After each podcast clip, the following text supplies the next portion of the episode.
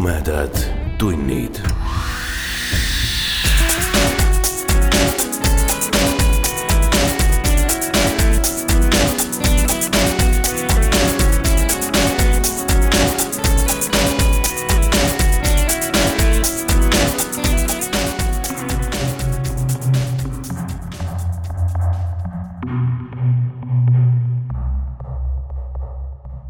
tere, hea ulmesõber sa kuuled jutuvestmis podcasti Tumedad tunnid karantiiniaja eri mini lühivaheosa. mina olen saatejuht Priit Öövel. tänases ülilühi minivaheosas saab ettekandele tulema vaid üksainus lugu ja see on selle loo maailma esiettekanne. mina ja Aiki loeme teile Indrek Hargla põnevusloo Musta surma rada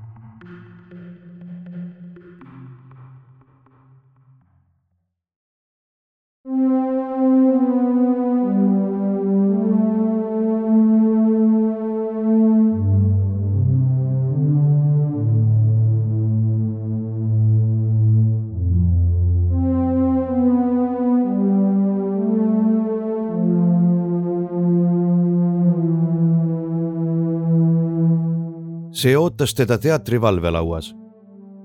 lihtsalt üks suur ümbrik, millel oli tema nimi ja rohkem mitte midagi. valvelaua Ester ei osanud täpselt öelda, kuidas see sinna oli sattunud. kas keegi oli toonud või oli postis olnud. kui tema hommikul tööle tuli, oli see ümbrik juba seal. Juhan kahmas selle kätte, see oli päris raske ja viis kardekasse. tal algas kohe proov see ümbrik ei tundunud kuigi tähtis. lavastajad saavad tihti igasugu käsikirju ja mõni vahest harva ka fännikirju. kui see on miski näitemäng, siis ta annab selle kirjandustuppa ja palub, nagu alati, viisaka ja äraütleva vastuse kirjutada, soovitusega näidendi võistlusele saata, kus sellel erilist edulootust muidugi ei ole. Need võistlused on sõprade omavaheline asi. aga siis helistas Ivo, köhis ja vabandas, et ta jääb proovi hiljaks. ja Marta helistas, et tal oli laps haigeks jäänud ja proov tuli tunnike edasi lükata. Juhan tõi endale kohvi, pani sigareti ette ja mõtles, et eks ta siis vaatab, mis ümbrik see selline on. see oli kuidagi räsitud välimusega, nagu oleks seda eluga riskides läbi piiramisrõnga tassitud. ja et veel vereplekke peal ei olnud aadressi ega marke ka ei olnud, ainult pastakaga kirjutatud Juhani nimi.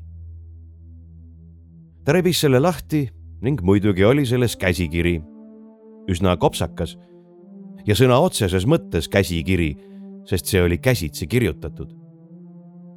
keegi grafomaan kusagilt vaesemast maapiirkonnast, mõtles Juhan. ta silmitses seda veidi ja luges moe pärast algusest pealkiri oli loll, Musta surma rada.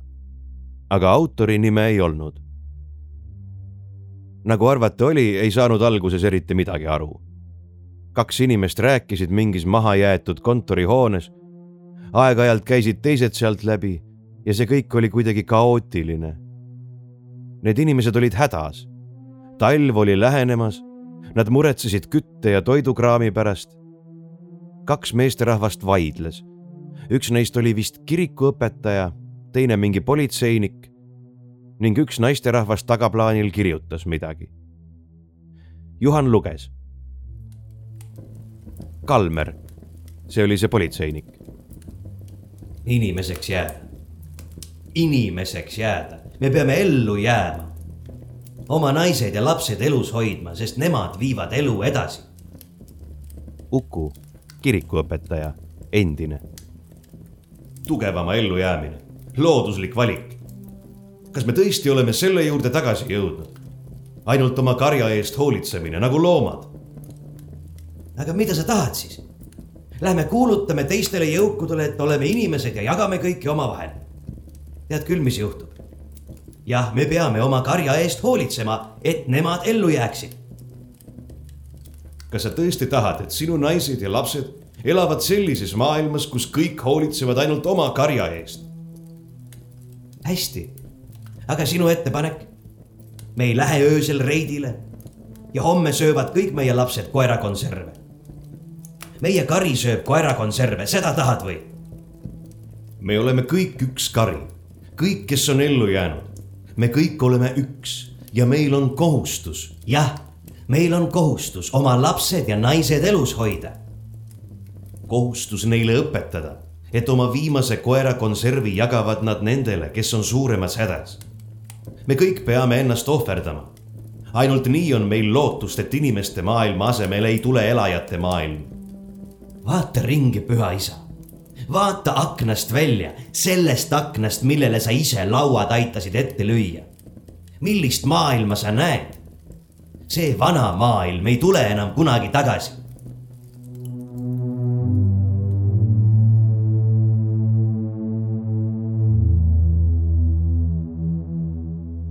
sellel külakirjanikul oli tegelikult mingi stiilitunnetus olemas. tema tegelased olid konfliktis eetiliste dilemmadega ja nad olid karakterid. Need tegelased olid Viimsis, endises vallamaja hoones, mis oli bussidega barrikadeeritud ja mida sai puudega kütta. Neil olid relvad ja laskemoona ja nad elasid mingis postapokalüptilises Eestis, kus riigivõimu ja tsivilisatsiooni enam meile tuntud kujul ei olnud Nad käisid aeg-ajalt rüüstamas, kust veel midagi leida võis, aga neid kohti oli aina vähem. Neid ohustasid Maardu ja Lasnamäe jõugud ja juba oli nende vahel toimunud mitu ja üsna verist kokkupõrget. aegapidi hakkas selgeks saama, et nii Eestit kui kogu maailma oli rünnanud mingi kole viirushaigus. alguses olid valitsused sellesse suhtunud üsna lõdvalt. olid kehtestatud naeruväärselt nõrgad karantiinid ja piirangud aga selle viiruse peiteaeg oli kurimeelselt pikk ja salakaval. see oligi selline inimeste välja mõeldud viirus, et see võimalikult rohkem nakkav oleks.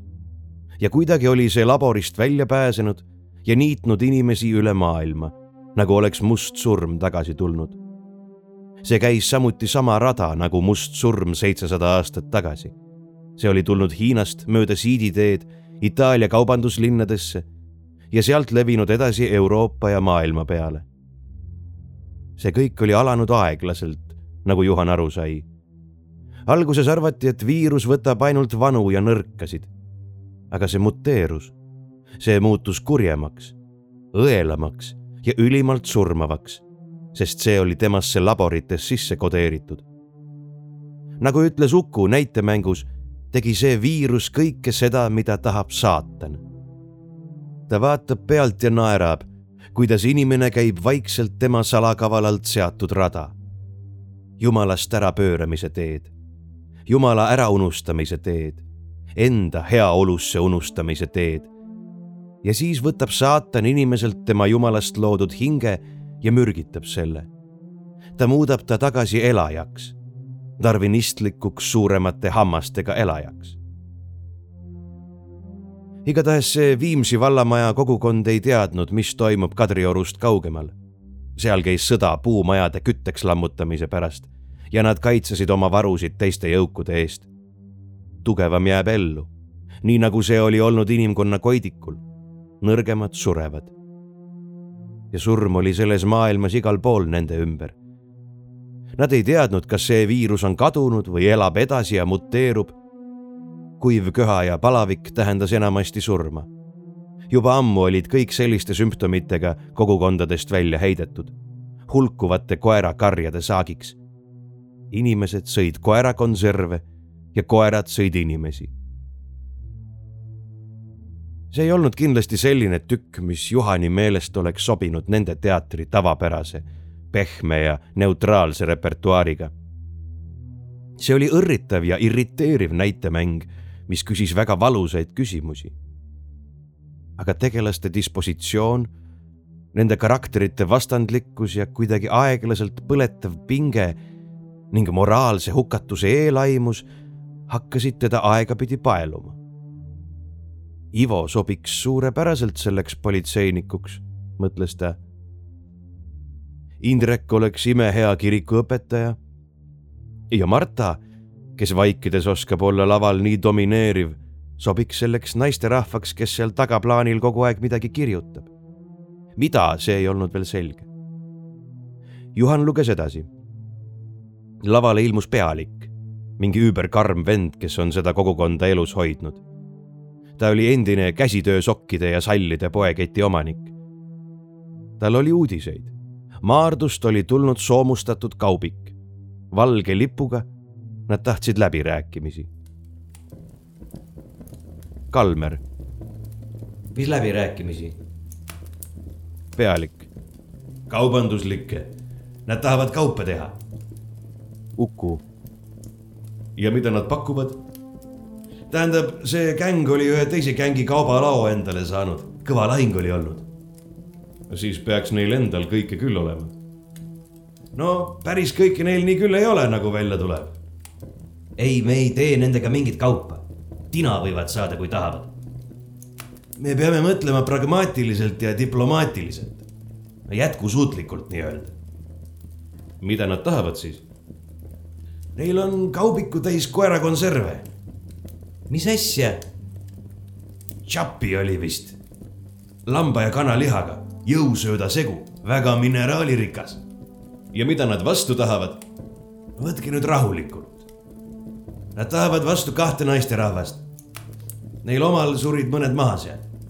ei raisk, söögu sitta. me võime seda varsti ise süüa ma ütlesin neile, et me kaalume seda ettepanekut. ma ei ole mingi diktaator, eks ole. ei, ei, ei, ei, ei, me ei kauple inimestega. aga kui on vabatahtlikke, see on väga hästi varustatud gäng. mine küsi siis meie naiste käest, kas keegi on nõus vabatahtlikult. Ja selle peale tõusis taga see naisterahvas, kes oli kogu aeg midagi kirjutanud ja ütles, et jah, tema on nõus Nad jäid teda jahmunult vaatama. aga see naisterahvas, Kärt oli tema nimi, ütles, et see on mõistlik ettepanek. terve kaubikutäis konserve aitab lastel kevadeni elus olla ja tema töö on niikuinii valmis. mis töö? Ma kirjutasin ühte näitemängu meie elust ja meie maailmast. nüüd on see valmis. kellele sa seda kirjutasid? teatreid ei ole enam äkki kusagil veel on. ma pean selle lihtsalt ära saatma ja siis ma saan minna. ei, sa ei tohi. sa ise ütlesid, et me kõik peame ennast ohverdama. kuhu sa saadad, kellele? Kuidagi saadan kuhugi, kus on veel teatreid ja päris elu. hoiatuseks. kui ainult üks inimene seda lugeda jõuab, äkki see aitab väga hea. no siis ainult üks veel. kui vabatahtlikke ei ole, siis ma arvan, et me lahendame selle demokraatlikult, valimiste teel.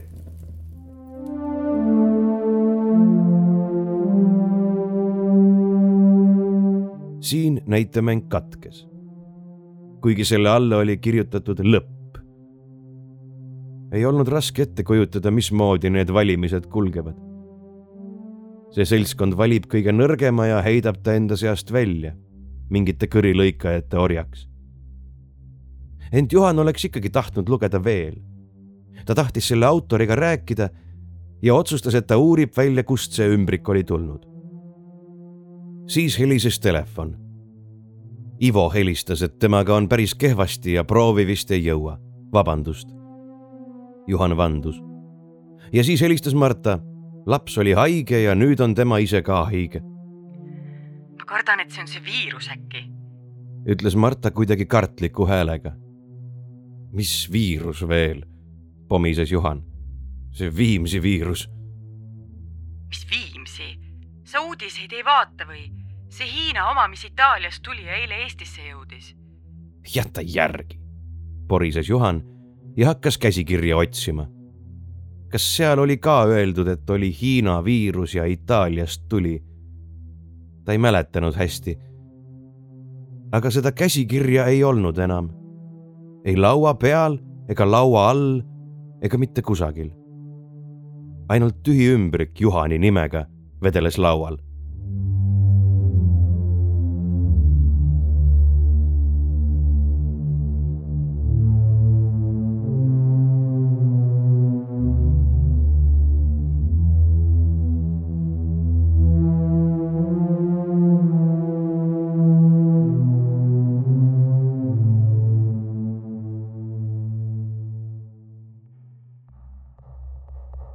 Te kuulsite Indrek Hargla prohvetlikku põnevusjuttu Musta surma rada.